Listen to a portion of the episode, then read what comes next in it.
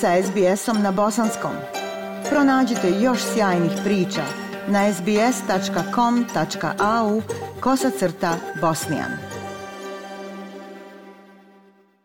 Aisha, lijep pozdrav tebi i slušateljima SBS radija i eto nakon, ja bih rekla, kratkog, ali u svakom slučaju zasluženog odmora, e, ponovo se čujemo, nadam se da si se dobro odmorila. Nažalost, ovo javljanje iz Bosne i Hercegovine gotovo u cijelosti će biti posvećeno stravičnom ubistvu koje se desilo u Gradačcu.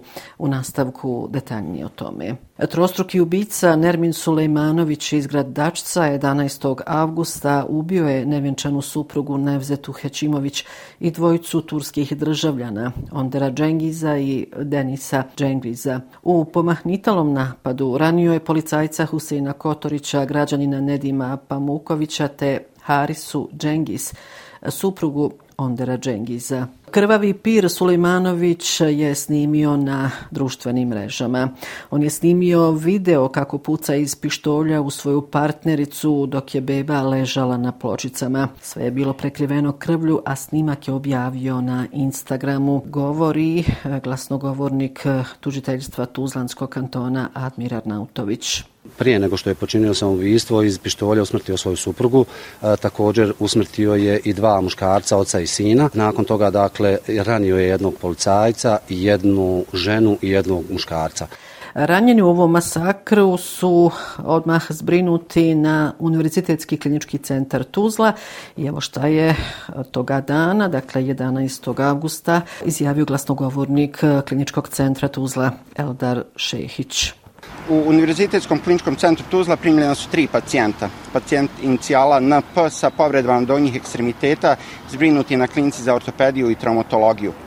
Pacijent LO, 69. godište sa prosilnim ranama u predjelu trbuha, zbrinuti na klinici za anestezijologiju i reanimatologiju i trenutno se nalazi u operacijnoj sali klinike za hirurgiju pacijent inicijala DO, 2000. godište, je primljen na kliniku za anestezijologiju i reanimatologiju u vrlo teškom stanju i nakon neuspjele reanimacije konstatovan je exit. Prema dostupnim informacijama, počinitelj višestrukog ubistva od ranije je poznat policiji. Osuđivan je u više navrata za pokušaj ubistva, ugrožavanje sigurnosti i nasilničko ponašanje. To je potvrdio i ministar unutrašnjih poslova Tuzlanskog kantona Hajrudin Mehanović imao je i prijave za, i za nasilje u porodici, međutim ono što moramo reći je da se uvijek koristile blagodeti zakona, odnosno odustajalo se od, od, od svjedočenja vezano za ovo krivično djelo nasilja u porodici. Dakle, radi se o višestruko osuđivanoj osobi i ranije poznato i policiji tužilaštvo. A iša javnost, ali region potresao je ovaj monstruozni čin. Dakle, nakon trostrukog eh, stravičnog ubistva koje je, kako već na početku rekao, objavljeno na društvenoj mreži Instagram iz Federalnog ministarstva unutrašnjih poslova odlučili su poduzeti određene korake. Kako je saopćio Ervin Mušinović, šef kabineta Federalnog ministra unutrašnjih poslova, resorni ministar će naložiti nadležnim organima poduzimanje adekvatnih koraka u procesuiranju osoba koje su na društvenim mrežama podržale ubicu i veličale njegove postupke. Federalni ministar unutrašnjih poslova Ramo Isak zatražit će od Federalne uprave policije i Ministarstva unutrašnjih poslova Tuzlanskog kantona da ispitaju sve osobe koji su na društvenim mrežama, a nakon stravičnih ubistava u Gradarcu podržavale ubicu i veličale zločin koji je počinio, eh, potvrdio je Mušinović. Upravo o tome toga dana govorili su i gradonačelnik gradačca Edis Dervišagić i premijer Tuzlanskog katona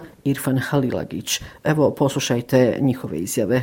Nažalost, ono što je isplivalo kroz ovaj cijeli slučaj, dakle, da, da je društvene mreže sredstvo iz prenosa ovoga događaja su pokazali da imaju nažalost stotine ljudi koji opravdavaju i čak svojim komentarima podržavaju ovaj vid nasilja koji se nas desi u gradarstvu, što generalno nas kao društvo treba da zabrinjava. Mislim da je pred svima nama, uključujući i gradsku upravu, ali i Ministarstvo unutarnjih poslova i sve organe države Bosne i Hercegovine, težak zadatak da nađemo odgovor na pitanje kako spriječiti da se ovako nešto ne dešava. Evo, svjedoci smo da ovakvi postupci ne poznaju niti granice, niti podneblja i jednostavno u posljednje vrijeme prenose se iz e, sredine u sredinu, a društvene mreže u tome igraju vrlo veliku negativnu ulogu.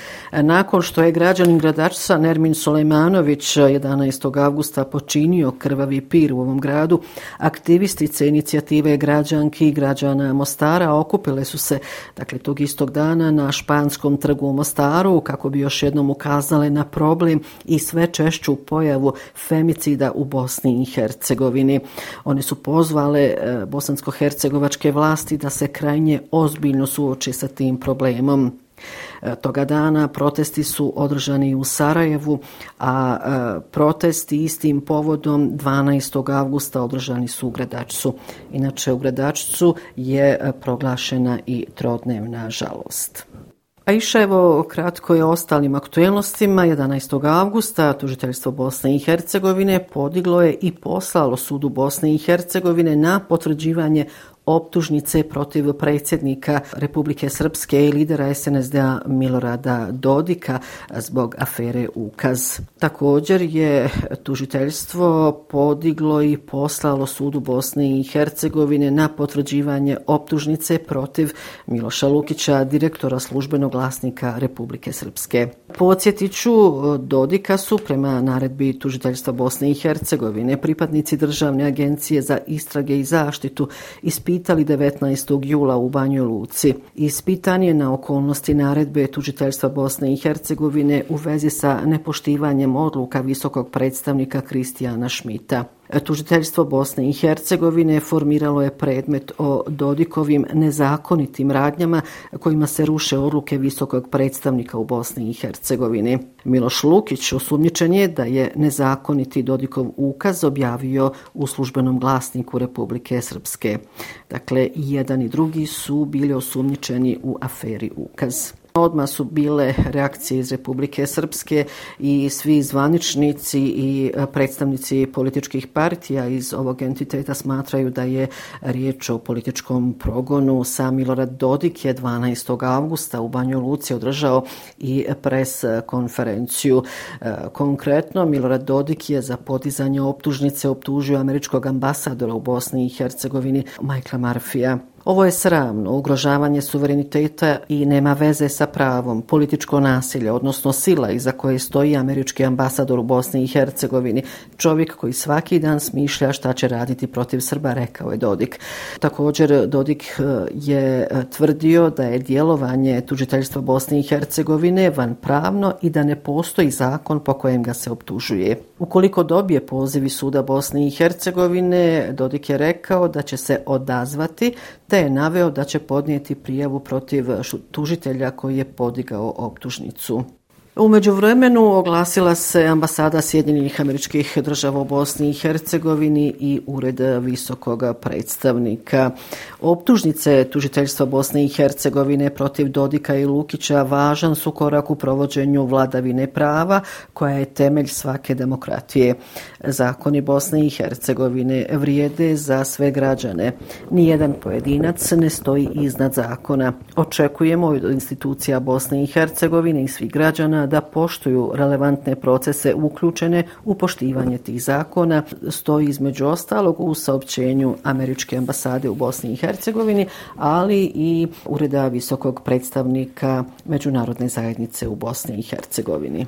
Pa eto, Aisha, ovo javljanje iz e, glavnog grada Bosne i Hercegovine ću ipak završiti jednom vedrijom i ljepšom vješću. Naime, 11. avgusta defileom zvijezda na crvenom tepihu ispred Narodnog pozorišta počeo je 29. Sarajevo Film Festival. Velika euforija vladala je na festivalskom trgu i pored crvenog tepiha, a sve je kulminiralo kada su se pojavili e, planetarna muzička zvijezda Bono Vox, zatim čuvena novinarka Kristijan Amampur i počasni građanin Sarajeva, inicijator koncerta U2 benda u ratnom Sarajevu Bill Carter. E, festival je otvorio film Poljubite budućnost u režiji Nedada Čičina Šajna koji je napisao i scenarij zajedno sa Billom Carterom, a u kojem se upravo pojavljuju i Bono Vox te Kristijan Amampur. Ceremonija svečanog otvorenja upriličena je u Narodnom pozorištu, a počasno srce Sarajeva uručeno je reditelju i piscu Marku Kusinsu. Inače, ove godine bit će prikazano 235 filmova iz 59 zemalja u 18 programa, od kojih je 49 filmova u takmičarskim programima u konkurenciji za srce Sarajeva u četiri takmičarske selekcije. E, projekcije filmova bit će prikazane na više od 30 lokacija u Sarajevu, a brojni filmovi prikazat će se i u Mostaru i Tuzli. Inače, ovogodišnje izdanje Sarajevo Film Festivala trajaće sve do 18. augusta. Eto, Aisha, toliko ovoga puta iz glavnog grada Bosne i Hercegovine. Još jednom vam pozdrave iz Sarajeva šalje Semra Duranović-Koso. SBS na Bosanskom. Podijelite naše priče preko Facebooka. Želite poslušati još ovakvih priča? Slušajte preko Apple podcasta, Google podcasta, Spotify ili kako god da primate svoje podcastove.